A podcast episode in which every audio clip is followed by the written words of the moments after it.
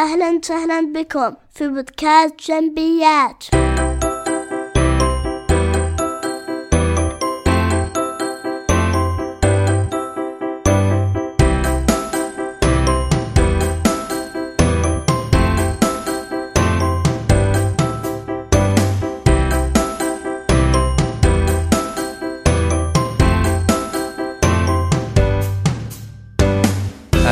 أهلا بكم في بودكاست جنبيات بودكاست متخصص في المواضيع الإدارية. إنها الحلقة 15 يحييكم محدثكم أنور جنبي. موضوع اليوم هو إدارة الوقت. إدارة الوقت موضوع بحد ذاته موضوع حساس وجدا مهم. كثيرين بمجرد سماع موضوع إدارة الوقت يقشعر بدنه ويحس إن هذا الموضوع مستحيل، إدارة الوقت شيء مستحيل، فكيف لي ان أدير وقتي بينما المنغصات والمشتتات الانتباه والمهام تقذف علي لتبعثر ما بذلته من جهد في ترتيب وقتي وتنظيم وقتي. ال- الواقع هو أن من غير إدارة الوقت يصبح الشخص جدوله ممتلئ، وهناك مهام أخرى لم لا يستطيع إنجازها بسبب ان أن جدوله سبق وكان ممتلئ. في حالة أن جدول الجدول صار بهذه الطريقة أو أن الشخص لا يس- ليس لديه أصلا جدول يتبعه لتنظيم وقته لن يستطيع الشخص أن يصل إلى إنتاجية كاملة للمستوى الذي هو يعرف أن يستطيع أن يصل إليها. لا يستطيع أن يوصل لكامل إمكانياته ومقدراته ومهاراته أو أحلامه أو طموحاته بسبب أنه لم يدير بالطريقة الصحيحة. في هذه الحالة يصبح جدوله ممتلئ جدوله سواء كان موجود أو غير موجود يصبح جدوله ممتلئ. وبهذه الطريقة يصبح الإنسان يعمل من أجل تنفيذ مجموعة من المهام والنتيجة يفقد حريته. والأتعس من هذا أنه يفقد أيضا سعادته.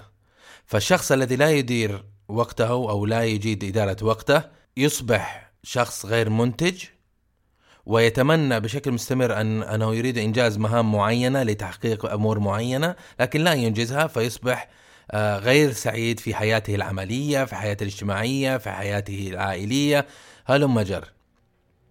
نحن نتكلم بشكل عام مهام المطلوبة من الشخص سواء كانت في العمل أو في غيره. إذا كنا نريد أن نكون أحرار عندنا حرية، عندنا وقت خاص لنا، عندنا وقت للمهام العمل، عندنا وقت لإنجاز مهام ال- الذي يطلبه منا مديرنا، آه، للتعلم والتدريب، ل- للدراسة ايا كان، حتى نصل لذاك المستوى من الحرية فعلينا لا محالة أن ندير وقتنا. فما هو الحل؟ علينا أن نجلس مع نفسنا ونسأل نفسنا سؤال صريح: ما هي أهدافنا؟ وماذا نريد أن نصل إليه؟ ماذا أريد أن أكون أنا في المستقبل؟ ما الذي أريد أن أنجزه؟ ما الذي أريد أن أصل إليه مع علاقاتي الاجتماعية، مع أصدقائي، مع عائلتي، مع زوجتي، مع أولادي؟ ما الذي أريد أن أحققه لمرؤوسيه موظفيني الذين أدعمهم وأرشدهم وأقودهم أو ماذا أريد أن أصل إليه مع الذي أخدمهم عملائي أو مع مديري لكن مهم جدا أن إياك إياك أن تتغاضى عن إجابة هذه الأسئلة جميعا من هذا المنحنى. لأن بمجرد أن تتغاضى عن إجابة هذه الأسئلة سوف تصبح إنسان ينجز مهام بطريقة عشوائية بطريقة ليس لها معنى.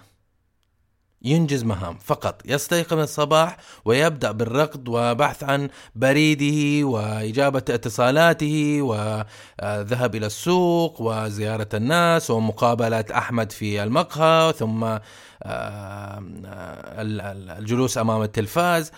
كل هذه المهام تصبح عشوائية لكن بمجرد تحديد أهدافك سوف تتحكم في جدول أعمالك في وتتمكن أن تنجح في إدارة وقتك. لدينا في السنة 12 شهر. هذه هي الفترة آه، والمعيار الزمني الذي نعطيه دوما لنفسنا لإنجاز مهام معينة. آه، أريد أن أحصل على شهادة آه، الجامعة. أريد أن أتجاوز المادة الفلانية. أريد أن أخذ دورة في مجال تخصص كذا وكذا. ايا كان هدفك عادة آه، هي آه، تجدولها في فترة زمنية وأكبر جدول زم... فترة زمنية كوحدة هي السنة آه، عليك أن تحدد تستخدمها كوحدة لتحديد مهامك بشكل أساسي بحيث تصب في تحقيق أحلامك وأهدافك على المدى الطويل. ومن هناك حتى تتأكد أنك تحقق أهدافك كبيرة توزعها على أهداف سنوية وتوزعها على أهداف شهرية ثم توزعها على أهداف أسبوعية ثم أهداف يومية. مسألة توليك أهدافك اليومية وإنجازها بطريقة احترافية سوف تحقق أهدافك الأسبوعية ثم سوف تحقق أهدافك الشهرية ثم سوف تحقق أهدافك السنوية وهكذا حتى تصل إلى هدفك الكبير الذي هو على المدى الطويل. لكن إذا تساهلت في في أي من المراحل الصغيرة لن تصل إلى المرحلة الكبيرة ابدا. الآن تمكنت أن تحدد أهدافك لكن كيف تتولى المهام بشكل يومي وبالطريقة الصحيحة؟ هناك فكرة أساسية وجدا بسيطة جدا جدا بسيطة ويتناساها الناس أو لا ينتبهون لها في أثناء قضاء يومهم وإنجاز مهامهم وأعمالهم اليومية ينسوها. ضعها قانون أمام عينيك سوف تنجح في إدارة وقتك. اترك عمل الأمور الغير مجدية الأمور الغبية. التي ليس لها أهمية التي آه، قيمتها صفر بما يخص أهدافك وغاياتك وأحلامك والأمور التي تريد أن تصل إليها لو تراجع أعمالك جدول أعمالك سوف تجد أنها مليئة بأعمال صغيرة ليس لها معنى لكن تأخذ من جهدك وتأخذ من وقتك. وتجعلك آه، تنحرف عن المسار الصحيح في آه، للوصول إلى مبتغاك ولأهدافك وتلك الأمور سواء كانت اجتماعية أو في العمل أو في في الحياة الاجتماعية أو مع العائلة دائما سو لو راجعت لو عرفت هدفك ورسالتك وماذا تريد أن تصبح في المستقبل ثم عدت النظر إلى مهامك التي تفعلها والتي تشغل نفسك كل يوم من حياتك لإنجازها سوف تجد أن هناك قدر لا بأس فيه آه، من الأمور التي ليس لها أهمية وليس لها أدنى قيمة في أعمالك. آه، سواء كان مقابلة أحمد اسبوعيا هل أست... هل أستفيد فعلا من مقابلة أحمد اسبوعيا؟ هل هي تخدم أهدافي؟ هل تخدمني أنا؟ هل أستفيد من هذا الشيء؟ أم هو أمر فقط آه، أتبعته؟ في الأعمال مثلا أسلم تقرير يومي إلى آه، إلى المدير. هل هذا التقرير فعلا يحتاج أن يسلم اسبوعيا؟ وما هي نوعية التقرير؟ هل التقرير يأخذ من وقتي بطريقة أكبر مما آه، يحتاجه مثلا؟ إذا كان فعلا فيجب أن أتوجه إلى مدير مباشر وأراجع معه تلك التقارير لأجعلها أكثر مناسبة لاحتياجه آه، وأكثر آه، مناسبة للفترة الزمنية الصغيرة التي التي يجب علي أن أسلمها فيها مثلا.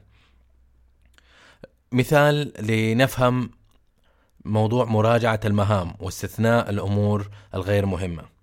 لو نظرنا إلى موضوع أو علاقة المحرر مع مؤلف.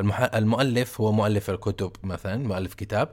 آه، عادة المؤلف يجلس لفترات طويلة يكتب محتوى من بناء أفكاره أو نتاج أبحاثه فيجمع صفحات كثيرة من المعلومات يصبها آه، على شكل كتاب. لكن المؤلف لا يؤلف ثم يرسله للمطبعة لتنطبع مباشرة لكن يجب أن تمر من آه، شخص ينقح ويراجع وينسق تلك المحتوى لتناسب القارئ ولتجعله أكثر قابلية للتسويق وأكثر قبول لدى المستهلك آه، وبالنهاية يشتريه المشتري.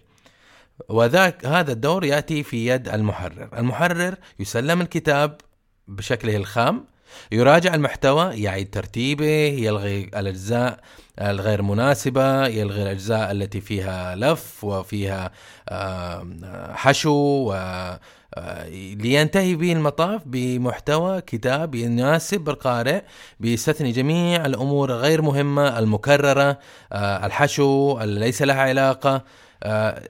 لينتهي بخلاصة كتاب مفيد عند تناوله يحصل الفائدة لمتناول ذاك الكتاب.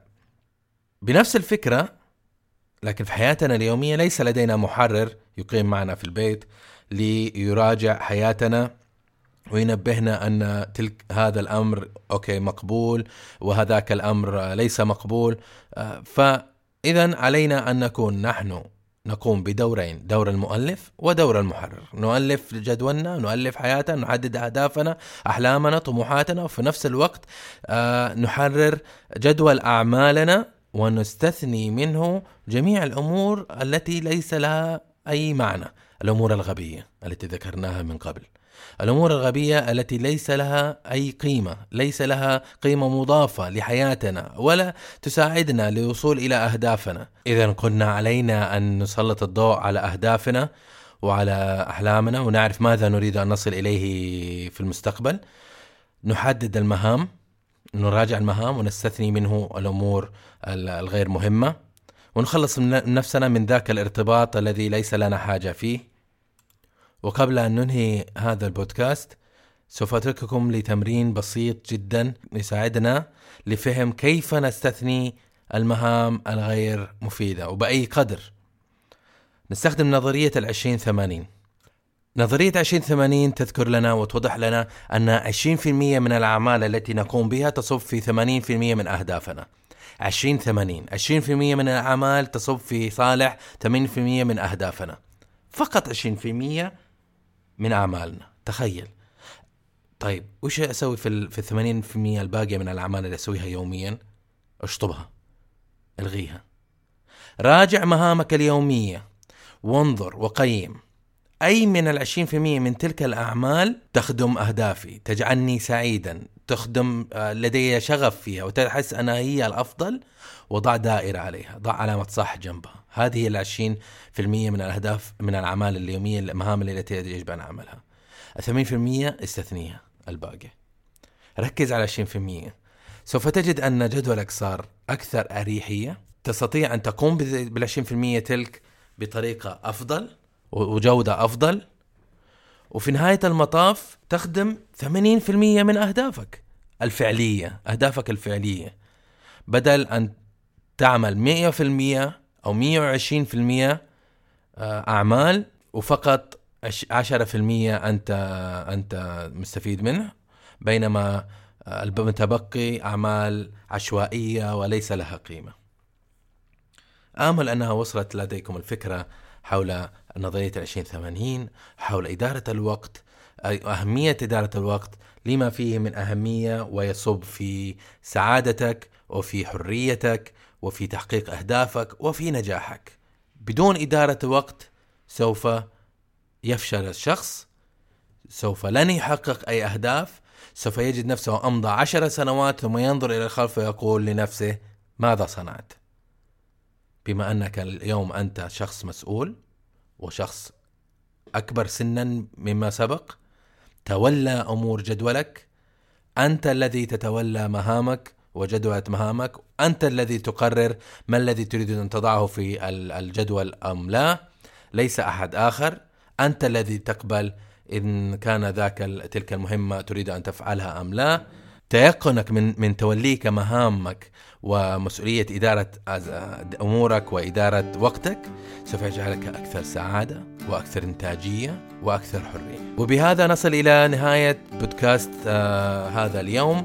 نأمل أن قد وصلنا رسالة مفيدة وجيده وواضحة لكم بما يخص إدارة الوقت. وأشكركم لانضمامكم واستثمار بعض من وقتكم لسماع ما كنا نريد أن نقوله بخصوص هذا الموضوع. وأيضا أريد أن أدعوكم لزيارة موقع جامبي dot M E أو متابعتنا على وسائل التواصل الاجتماعي على فيسبوك تويتر يوتيوب وإنستغرام بما يخص وإذا كانت عندكم أسئلة تفضلوا بإلقائها سواء في المدونة أو على وسائل التواصل الاجتماعي راسلوني على الإيميل.